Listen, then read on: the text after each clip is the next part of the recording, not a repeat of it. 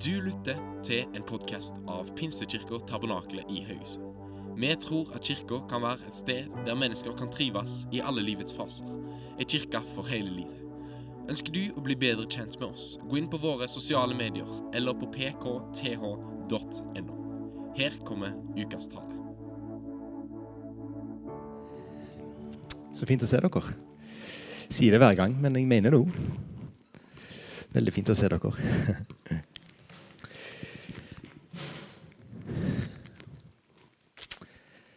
Vår eh, kjære pastor Mark han har jo prekt ut ifra første kongebok de siste ukene og månedene.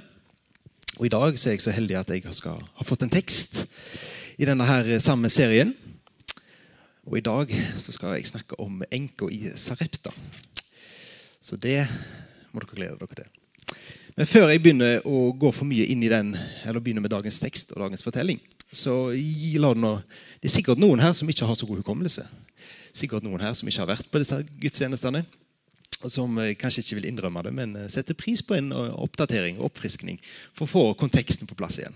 Jeg skal ikke rekke opp hånda og be noen om noen gjenkjenner seg i det, men jeg tenker det er en fin start. Kronologien blir jo litt rar her, for vi hopper jo litt fram og tilbake nå. Mark han har jo hatt to prekener etter denne eh, Sarepta-hendelsen. her. Eh, oppgjøret på Karmelfjellet, harde ordene fra Jesabel og den nedturen han opplevde der. De to forrige prekenene. Det skjedde etter det som jeg skal tale om i dag. Det er etter kong Akabs, altså konfrontasjonen med kong Akab. Og Foranledningen for dette her er jo at altså israelsfolket har jo eh, stått Det har vært et frafall. da. Kongen som er nå, altså Høydepunktet det var jo under Salomos tid. Da var eh, alt på topp. Da var det, det, det, var fred i landet, det var velstand.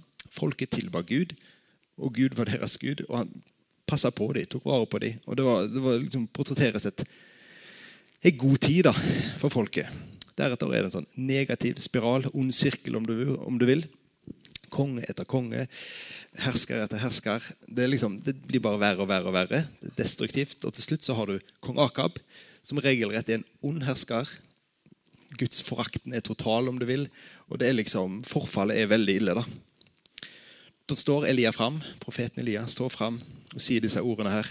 Så sant Herren Israels Gud lever, Han som jeg tjener. De første årene skal det verken komme dugg eller regn utenpå mitt ord. Og etter han taler disse ordene, så skjer dette her. Det blir tørketid. Og den perioden er jo på over tre år.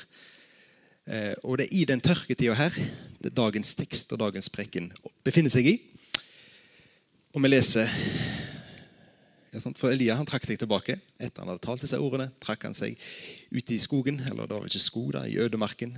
Han fikk mat. Gud ga han mat ved hjelp av fuglene. Og drakk vann fra bekken. Gud passa på han ute i ødemarken etter at han hadde konfrontert Akab. Og så leser vi i første kongebok, kapittel 17.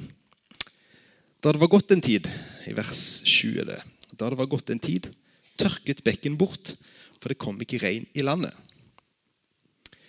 Da kom Herrens ord til Elia.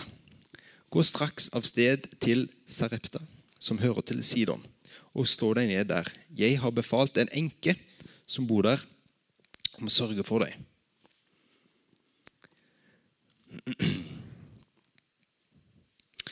Og Før vi leser videre, så har jeg lyst til å stoppe litt her. For dette er jo litt fascinerende. Altså, Gud passa jo på Elia. Etter at han konfronterte kongen, etter at han tok den modige stegen og uttalte disse, ja, annonserte denne tørken, så har jo Gud ledet han ut i ødemarken. Han har passa på han, har gitt han mat, han har gitt han vann. Og så nå forteller han videre. Nå skal du gå, skal du gå videre til denne byen her, Sarepta. Og Når jeg leser dette her og tenker litt på det, så virker det på meg som at det er ganske usannsynlig valg. egentlig. Er ikke det egentlig veldig rart å sende han av gårde der? For Sarepta det er jo ikke en del av Israel. Det er heller ikke en del av Judea. Det tilhørte Sidon, som vi leste. Jesabel, hun prinsessa som Mark talte om forrige uke, hun var prinsessa i dette landet her. Og hun var jo ikke en sånn altså Hun forakta jo Gud på en sånn måte og var en sånn aktivist på avguden Baals vegne. At det liksom hun var jo virkelig ikke snill, da, for å si det sånn. På hennes hjemmebane, i Baals eget rike, Jasabel sitt eget rike, der blir Elias sendt. Hun som hadde ingen skrupler med å kaste Gud på søppeldynga. Han Gud sender Elia til et sted der det troen på den levende Gud var totalt fremmed. Er ikke det litt fascinerende? Jeg syns i hvert fall det. Stusser jo litt med det. Vi er, vi er, jo i en mellomfase, om du vil, for Elias del. Nå er det denne tørketida. Han har tatt dette standpunktet og tatt denne utfordringen overfor kong Akap. Annonsert denne tørken. Og så venter vi på oppgjøret. Og i den tiden der så er det jo veldig logisk for oss nordmenn i villmarken. liksom. Selvfølgelig skal han ut i villmarken. Selvfølgelig skal han sitte oppe i skogen, oppå Hardangervidda der i hula liksom, og være med Gud og kjenne hans omsorg og ta vare på han og forberede seg mot det møtet som skal komme. liksom, Det oppgjøret som skal komme. De resonnerer jo gjør det ikke det? Resonnerer jo veldig godt for oss. Og han gjør jo det først, Gud. Men så sender han ja, ja, til løvens hule, om du vil. Hva skal vi sammenligne det med, da? Hvis vi lever i dag, i vårt liv i dag. Vi kan jo ta en by, en storby i Europa som er kjent for vår tids Baal-dyrkelse. Vi kan ta fra oss ja, ja, den tilber det frie mennesket. Du skal slippe deg løs. Ingen begrensninger. Du skal få lov til å gjøre akkurat hva du vil. og For alt til verden ikke la noen mennesker eller Gud eller noe begrense deg. Fri utfoldelse. Et storbystrøk i Paris eller i London, der liksom dette her blir reindyrka.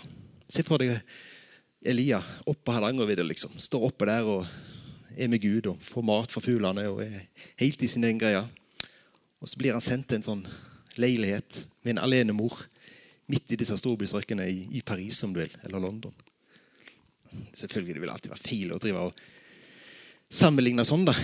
Men dere, dere ser poenget, da. Det er liksom en fascinerende overgang. Og det er jo, for det er jo akkurat fra disse byene her, det er jo akkurat fra dette stedet her, det er jo disse folkene her. Det er jo der denne negative, destruktive, forledende påvirkningen har kommet ifra. Altså Selvfølgelig kong Apgab, Israels folke sjøl. De må jo ta til ansvar. De må stå til ansvar sjøl for at de har valgt å gå bort fra Gud. At de har valgt å forlate Han. Men hvor er det den forførelsen kommer fra? Det er jo fra akkurat disse områdene her. Og en del av oss er jo litt sånn Er det ikke det? At naturlige, Det som føles mest rett, er kanskje å stå opp på Hardangervidda der. Stå opp på den der Hårteigen, om du vil. Og rope ja, ja, Vær med Gud og rope forbannelser over disse fæle storbystrøkene. Eller de som gjør alt galt, og der alt det onde kommer ifra. Er det ikke noe i oss som er litt der, da? Men Elia han blir sendt rett til dette stedet her. Er hedensk, fattig enke. Ei som var totalt fremmed for den jødiske guden. Ei som tilhørte avgudene. La oss fortsette å lese i teksten. Straks gikk Elia av sted til Sarepta og kom til byporten. Akkurat da var det en enke Akkurat da var det en enke der som sanket ved. Han ropte til henne og sa, 'Hent litt vann til meg i en skål, så jeg får drikke.' Da han gikk for å hente det, ropte han etter henne, 'Ta som et stykke brød til meg.' Hun svarte, så sant Herren din Gud lever, jeg eier ikke så mye som en brødleiv, bare en håndfull mel i krukken og litt olje i muggen. Nå går jeg og sanker et par vedpinner, og så vil jeg gå hjem og lage til noe for meg og sønnen min. Når jeg har spist det, kan vi legge oss til å dø. Elias sa til henne, vær ikke redd, gå hjem og gjør som du har sagt. Men bak først en liten brødleig til meg av melet, og kom ut til meg med den siden du kan lage til noe for deg og sønnen din. For så sier Herren, Israels Gud, melkrukken skal ikke bli tom, og det skal ikke mangle, mangle olje i myggen til den dagen kommer da Herren sender regn over jorden. Da gikk hun og gjorde som Elia hadde sagt, og både hun og han og hele hennes hus hadde mat i lang tid. Melkrukken ble ikke tom, og oljen i myggen tok ikke slutt. Det gikk som Herren hadde sagt gjennom Elia. Så hadde du denne enka da, som velger å ta imot Elia. Ikke nok med at han er på et usannsynlig sted, men så møter han ei lutfattig enke, ei som har et lite barn, og som faktisk velger å stole på Herrens ord. Og det er jo litt fascinerende. er det ikke det? For den tørken her den skulle jo egentlig aldri ha vært der. For Gud hadde jo Gud hadde inngått en pakt med israelsfolket. La meg være deres Gud, så skal jeg ta vare på dere. Vi, vi, liksom, vi, går, vi inngår en pakt sammen. De gikk bort ifra det. Og ikke nok med det, men den tørken som hadde blitt annonsert, og som var iverksatt, det var jo tørketid, som vi leser ut av teksten her. Så det skulle jo, vent, det skulle skjedd noe med hjertene. En skulle jo tro det. Men hjertene var fortsatt harde. Og, og en vendte seg ikke mot Gud. Og i dette her da, så er det denne enka her, da. I avgudlandet. Som ikke hadde noe kjennskap til Gud. Ei som levde på sitt eget vis, på et helt annet vis. Hun velger å ta imot Elia, og hun velger å ta ham på sitt ord. Hun som enkelt oppsummert velger å stole på Guds ord. Og så Senere i fortellingen om denne enka her, så blir jo sønnen hennes sjuk. Han dør. Og naturlig nok så utløser det en fortvilelse. Og Hun sier til Elia, 'Hva har jeg med deg å gjøre, Guds mann?' 'Du er kommet til meg for å minne meg om min synd og får sønnen min til å dø.' 'For å minne meg om min synd', sier hun. Og Den setningen der den viser meg jo to ting. For det første er jo denne dama her, er jo, hun er jo et barn av sin tid. Jeg finner ikke noen grunn til å tro at hun er en slags sånn hva skal man si, oase i ørkenen. En sånn gudstroende person blant avgudsdyrkerne. Nei, hun er en del av sin tid, sin folk. Hun lever sitt liv sammen med de som lever der. Jeg som Hun er helt vanlig dame. For det andre så skjønner vi jo at så skjønner hun sjøl at hun er en synder. Hun skjønner at hun er helt vanlig dødelig menneske. Og Det er noe med hjertet der.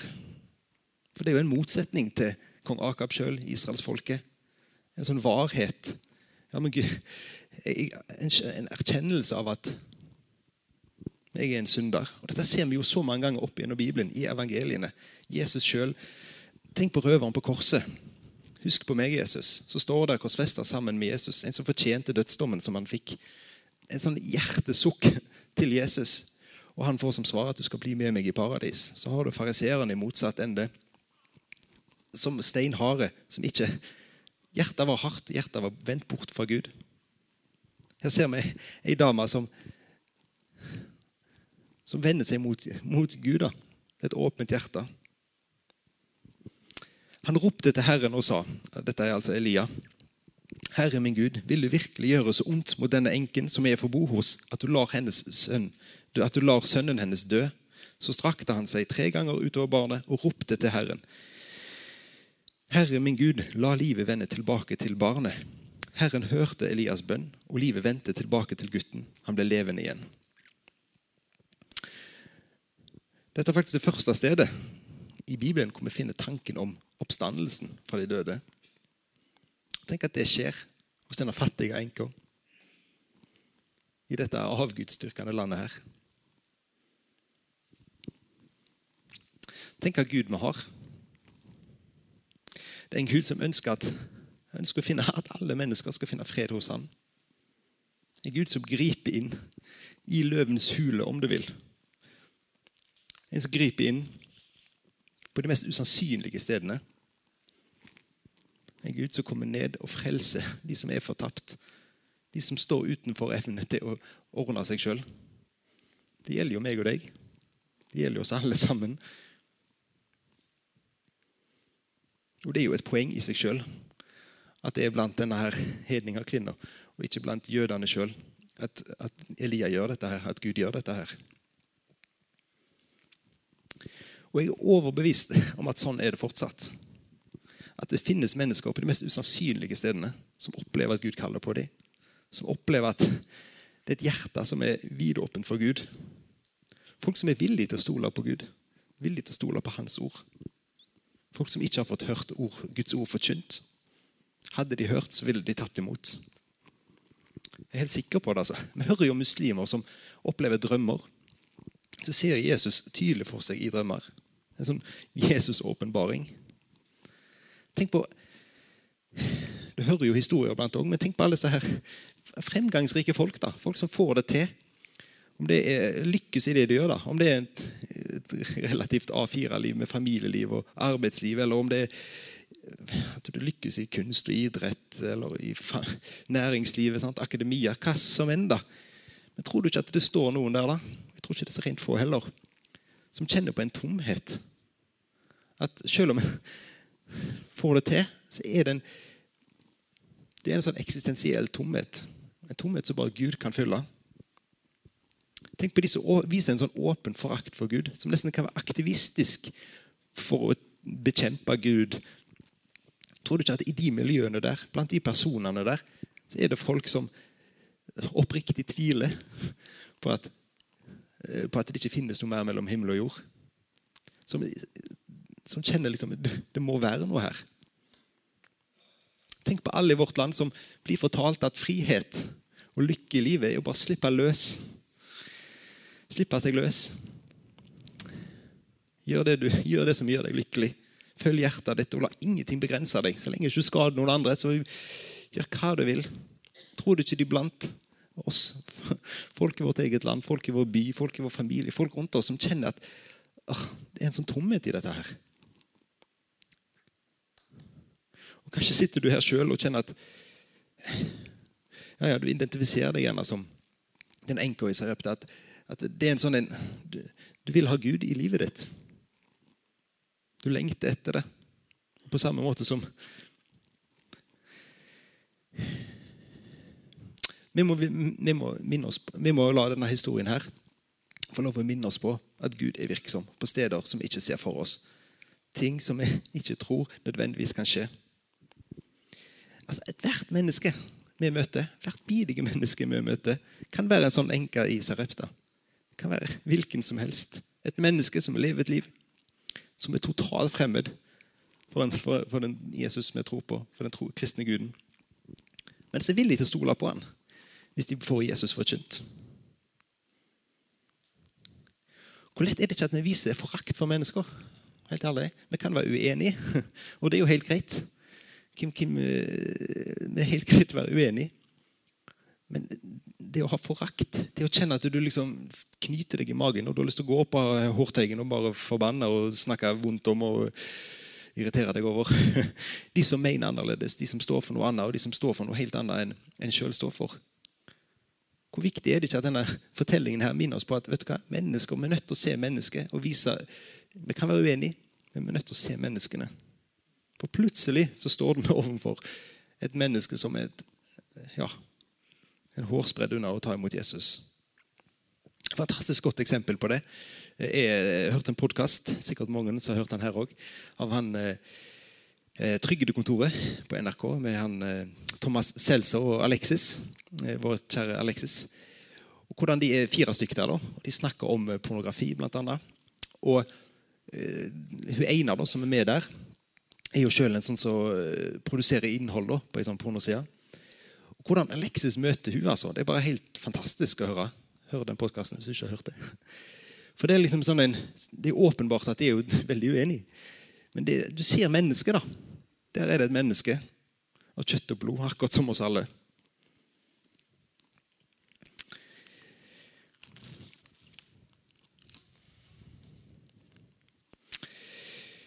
En annen ting med denne fortellingen her, er jo at situasjonen er jo ganske mørk for denne familien. her. De har jo ingen håp om redning. Altså, fordi Det er jo tørketid. Og vi skjønner jo alle at når det ikke er regn, så stopper jo matproduksjonen opp. Og de som merker det først, og de som merker det mest, det er jo de som er fattige. Ei enke på denne tida her altså, Du trengte en familie, du trengte folk rundt deg. for å, du, var, du hadde ganske lite sjanse alene når du var alene, og i hvert fall når du hadde et barn. Altså, De har jo ingen håp. igjen. De har jo ingen håp. De har litt brød igjen, og de kan spise seg mett en gang til.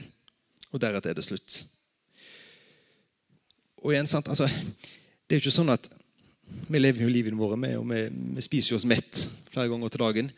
Det er ikke sånn at hun har levd sånn, og så plutselig er det stopp. Når en ser at lagrene går ned, så, så rasjonerer en jo ut. En kan jo bare forestille seg hvis vi prøver å sette oss inn i den situasjonen av å spinke og spare på det du har, og du ser ok, det regner ingenting, og du skjønner jo at da produseres det jo ikke noe mer mat, og du ser jo at dette går jo feil vei, og du holder igjen. Og så til slutt så Hvis vi evner å lede oss litt inn i det, og jeg er sikker på at den, den sultfølelsen den, Det er ganske desperat situasjonen disse her er i. Elia han ber om å få noen av de siste brødsmulene hennes. Og Han gir samtidig et løfte. Gjør du det, skal du aldri, mens denne tørketida pågår, mangle brød og olje. Elia ber kvinnen om å stole på han. Han taler Guds ord og ber om å stole på det. Gi det siste du har til meg, så skal du få en kilde som aldri går tom. I vers 9 så leser vi jo at Gud hadde befalt en enke som bor der, og sørga for Elia. Så altså, Når Elia sier disse ordene her til denne enka, så er det jo all grunn til å tro at hun skjønner jo at her er det noe her er det ikke bare en eller annen fyr som vil tigge til seg noe mat, eller en eller annen luring som sier noe menneskerent, men her er det noe mer. da. Hun, nok, hun skjønte nok at Gud var virksom ved Elia. Men hun blir bedt om å gi det siste hun har. Og akkurat dette her har jeg tenkt en del på i denne prekenen her. For situasjonen vår, for de aller fleste av oss i hvert fall, er jo bare så altså, Vi lever jo. Hvem av oss er det som har et sånt type liv, da? For hun har jo ingenting å tape. Tenk på det. Hun kan jo utsette døden med en liten stund, men hun forsoner seg med at når vi spiser den siste maten her, og etterpå så er det bare til å vente på han. Når du er i en sånn desperat situasjon, så gjør du jo alt. Gjør du ikke det? Du er ute av håp om redning, og du strekker deg etter det halmstrået du kan få. Og jeg tenker litt, Hvordan hadde situasjonen vært? Hvordan hadde denne fortellingen vært? da? Om hun hadde hatt mye mel igjen? Om krukkene var gått halvfulle? da? Og Hun hadde kunnet holdt det gående en del måneder til. Og hun visste med seg sjøl at jo, men da kommer det en ny årstid, og da kommer det regn. Og da, da, berger jeg meg. Da har jeg nok mat. Det blir litt skrint. Men meg og sønnen min vi skal komme oss gjennom dette. her. Hvis du da hadde hørt Elias ord om å ja, gi til meg og, og liksom sagt disse ordene, da, hadde hennes Hadde det ikke vært litt vanskeligere å sagt ja når du vet at når han kommer inn i hus, ja, da har vi jo plutselig ikke nok lenger. Da rekker vi ikke rundt til neste regntid eller den planen jeg har om redning. Det er mitt, min plan om å komme i land med dette her. Det går ikke likevel. Hadde ikke altså, dette, blir jo bare, dette blir jo bare spekulasjoner, og vi kan selvfølgelig ikke vite det. Men jeg, grunnen for at jeg sier dette, er at jeg tenker på meg og deg. Tenker på meg sjøl, tenker på oss og den velstanden vi lever i. Den velferdsstaten Norge. Altså, den vel, den, Vi lever så ufattelig mye bedre liv. De fleste av oss selvfølgelig, det gjelder jo aldri alle, men enn denne enka her. Altså, Vi har aldri hatt mer fritid, vi har aldri hatt bedre helse, vi har det varmt og godt. Og Levestandarden er jo noe helt annet, og vi eter faktisk bedre spiser bedre enn kongene gjorde på denne tida her. Og gjør ikke det noe med oss? Gjør, påvirker ikke det oss noe? At den desperasjonen, eller den klarsynheten i hva det var liv og død der, det var ikke noe enten-eller for henne. Den er så to, totalt forskjellig. Og selvfølgelig livet møter oss alle. Og jeg er sikker på at Du kan stå der med livets mest vellykka ting, og du kan oppleve en sånn eksistensiell krise.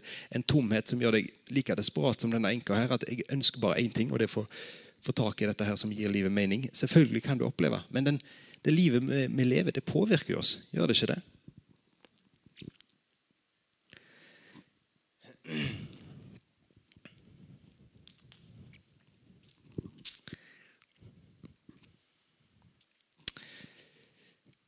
For den tilliten Gud forventer å finne hos Akab, kong Akab, hos prestene i landet, hos Israelsfolket, ja, det finner han i denne fattige enka.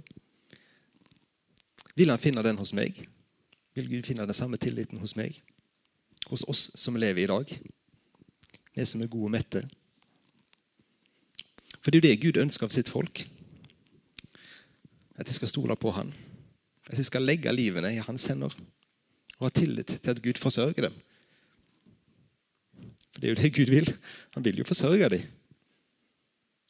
Men har vi tillit til det? I Salomos dager så var Gud deres Gud. Landet var preget av fred og fremgang. Som Gud gjorde i Saloms tid, vil Gud gjøre om dere stoler på meg igjen. La Gud få være deres Gud. Og det er jo litt sånn For livene altså, ok, Vi har jo kjøpt oss et hus her i Haugesund. Vi flytta til Haugesund for et halvt år siden snart, i mars-april. Og Da kjøpte vi oss et hus, og vi har innreda det. Eh, og Som sikkert de fleste gjør. Og I den forbindelse så har vi et spisebord eh, som vi har montert spisebord. Det er jo sånn en eh, tenker på når en skal innrede hus, at en må ha ja, møbler og alt sånt til. Og så fant vi ut at vi, måtte, vi hadde liksom dyrt med spisebord. Koster masse penger, det. Og så fant jeg ut at eh, det vi gjør, vi tar oss og pusser ned. For vi fikk med et spisebord med huset som var ganske slitt. Ganske stygt, egentlig. Og feil farge. For tiden forandrer seg, så det må være riktig farge. vet du. Så tenkte jeg ja, vi pusser, opp det, pusser ned det spisebordet. Så jeg har pussa og pussa og pussa. og. Dere aner ikke hvor mye jeg har pussa på det spisebordet. Eh, helt vanvittig, altså. Garasjen innvendig den skifter faktisk farge en periode fordi det var så mye støv. Og Det verste av alt er at jeg koser meg med det. Jeg forsvinner inn i den pussingen. Så står og pusser. Ikke snakk om når jeg skulle sette det sammen. og olje det, sette det sammen. Det, det, er fint, vet du. og så eh, og, og, det er jo det som er, vet du, er jo det at det som slår meg, det er at hvis det for er sånn som jeg leser på nyhetene da, eller ser nyhetene for den saks skyld, og du ser bilder av krig og elendighet som skjer ja, både nede i Israel-området eller Ukraina, eller bare du får dårlige nyheter og opplever ting som er vondt og vanskelig, og du hører om personer som lever ja, ja, sånn som denne enka her lever da. Når det blir for mye, så går jeg ut og pusser bordet mitt. Terapi for hodet. Vi gjør jo det, og vi gjør jo det oss alle. De fleste av oss går en tur. Det er jo egentlig veldig meningsløs aktivitet. Du går liksom en runde, og kommer tilbake igjen. Vi elsker jo det med nordmenn. Folk nå strikker jo. Jeg har en mor, hun strikker jo. Jeg er sikker på at hun kunne gjort en sånn tekstilfabrikk i Kina arbeidsløs hvis hun hadde gått inn for det. altså. Det er jo at Vi har liksom de tingene vi fyller livet med. Om det kan være familieliv eller arbeidsliv. eller Noen har jo så rene biler at du kunne jo sikkert Jeg er misunnelig på de da, for all del, men du kunne jo ha operert et menneske. du, For det er jo så det, er jo det fins ikke bakterier så rent og fint. vet du at og jeg tror Gud absolutt på alle mulige måter ønsker at vi skal ha alle disse tingene vi gjør, for å liksom roe ned eh, hodet og stresse. Men bare så fundamentalt forskjellig vårt liv er i forhold til denne fortellingen her vi leser om i dag. Var jeg tror Hun brydde seg ikke så mye om det spisebordet. Da, for å si det sånt. Eller hadde så mye behov for å gå tur og lufte seg. Og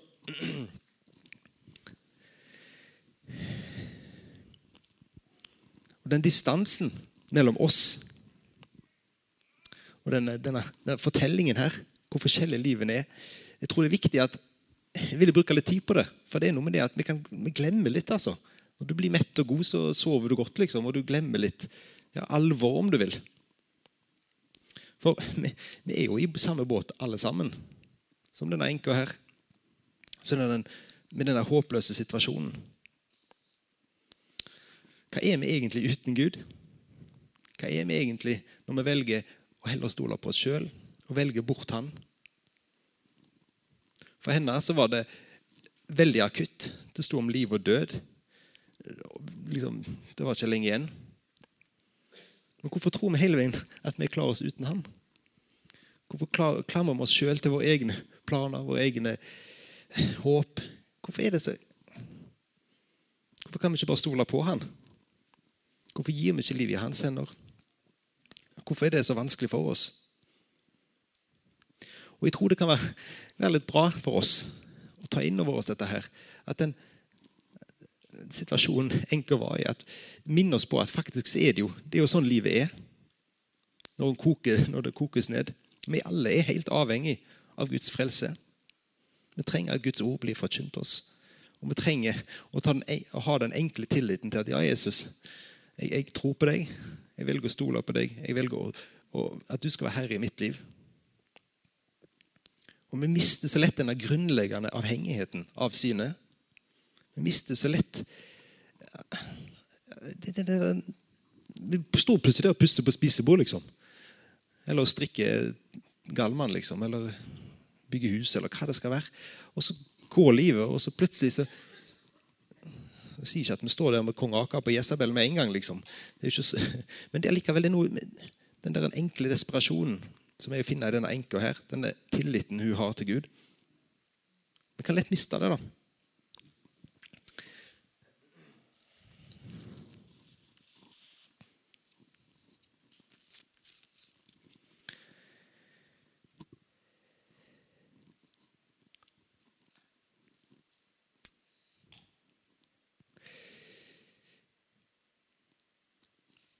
Før vi, før vi, går helt Jeg skal bare ta litt for meg Elia her. Før vi går helt til slutt nå. For det er jo litt fascinerende. Altså, Mark har vært inne på det noen ganger, men jeg ønsker bare å ta det med, jeg òg. Fordi denne perioden, tørketiden, den perioden som Elia er i her, i ørkenen Det er jo litt sånn Det står eksplisitt at Gud leder han først ut i ørkenen, og så til denne enka. Eh, og en kan jo tenke seg at det som hadde vært riktig å gjøre, eller naturlig å gjøre, og mest logisk og fornuftig å gjøre, er jo at han hadde reist rundt og forkynt. Eh, en eller annen sånn omvendelsesforkynner. Eh, og han hadde, hadde, jo all legitimitet. Han hadde jo, annons, han hadde jo fått regnet til å slutte å regne. Han hadde annonsert tørketida. Han kunne jo det. Han kunne hatt noen disipler. Starta sin egen ministry. Han kunne, hatt, kunne gjort så mye forskjellig. da. Og jeg har jo en mistanke om at teologer i dag, pastorer, hvis de skulle gitt Elia råd, fortalte han hva bør du gjøre nå. liksom. Jeg trodde han hadde, jeg trodde det hadde blitt sendt først opp på Hardangervidda og så bort til denne enka her. Det er ikke alltid sånn at det Gud leder oss til, i det som vi tenker sjøl, er det lureste. Og det, når, når, vi snakker om Guds oppdrag, når vi snakker om at Gud er virksom i vår verden, så er det ulike sesonger. Og selvfølgelig skal vi bruke hodet, og vi skal ikke gå på tross av Guds ord på noe som helst vis. Men vi trenger den erkjennelsen av at Gud må lede oss. Han må forstyrre oss. Vi er faktisk avhengig av det. Vi er avhengig av at han åpner og lukker dører. Vi trenger at han peker oss i en retning. Hvor mange ledere hadde ikke unngått å falle om de hadde gått avsides, sånn som Elia gjorde? I perioder, og kanskje da det mest i perioder så trenger vi å gå avsides. Hvor mange kirker trenger ikke å gå avsides? Trenger å styrke den bønnemuskelen, om du vil. Samfunnet med Gud. Trenger at vi kommer sammen og, er med Gud. da. Hva leder Gud oss til? Hvor mange kirker hadde ikke unngått å måtte bli lagt ned hvis, hvis en ikke hadde oppsøkt denne enka i Serepta? Hatt et øye for de som ikke tror. Hatt et øye for de som Hvor er det Gud gjør noe her? Vær på jakt etter det som er virksomhet. Der, der Gud gjør noe. Dette gjelder meg og deg. Våre trosliv. Vi trenger å forstå at det er sesonger. Vi trenger å forstå at det er Guds ledelse. Og navigere oss gjennom det. Vi er helt avhengig av Den hellige hånds stemme, den varheten for Guds ledelse. Selvfølgelig vi har vårt hode, fornuften, vi har Bibelen, vi har Guds ord. Men vi trenger også den varheten for Gud. For han er virksom. Helt sikker på, altså. Historien om enka i Sarepta det er en påminnelse om at vi trenger Gud. At vi er mennesker i oss sjøl. Vi er fortapte, og vi trenger en frelser. Det er et tydelig bilde på evangeliet. Gud sendte sin sønn Jesus. Han kaller på oss i vår fortapte tilstand. Det er fantastiske nyheter. Vi får del i oppstandelsen, troens gave, nådens mirakel. Tenk på det. Historien her viser at alle er inkludert i Guds frelsesplan. Absolutt alle. altså. Troens gavle er tilgjengelig for oss alle. Det er ikke bare til noen heldig utvalgte, men til oss alle. Til du som er totalt fremmed for kristen tro. Til du som er altfor glad i å bruke tid på å pusse på spisebord. Til du som Til oss alle, altså. Denne historien er også et eksempel på at Gud fortsatt er å regne med. Man kan jo av og til føle at liksom ingen som vil tro på Gud lenger. Men vet du hva? Det er Gud kaller på folk. Han er virksom. Og det gir trøst. Det gir håp, motivasjon og frimodighet. Fordi vet du hva? Gud han fortsetter greiene sine.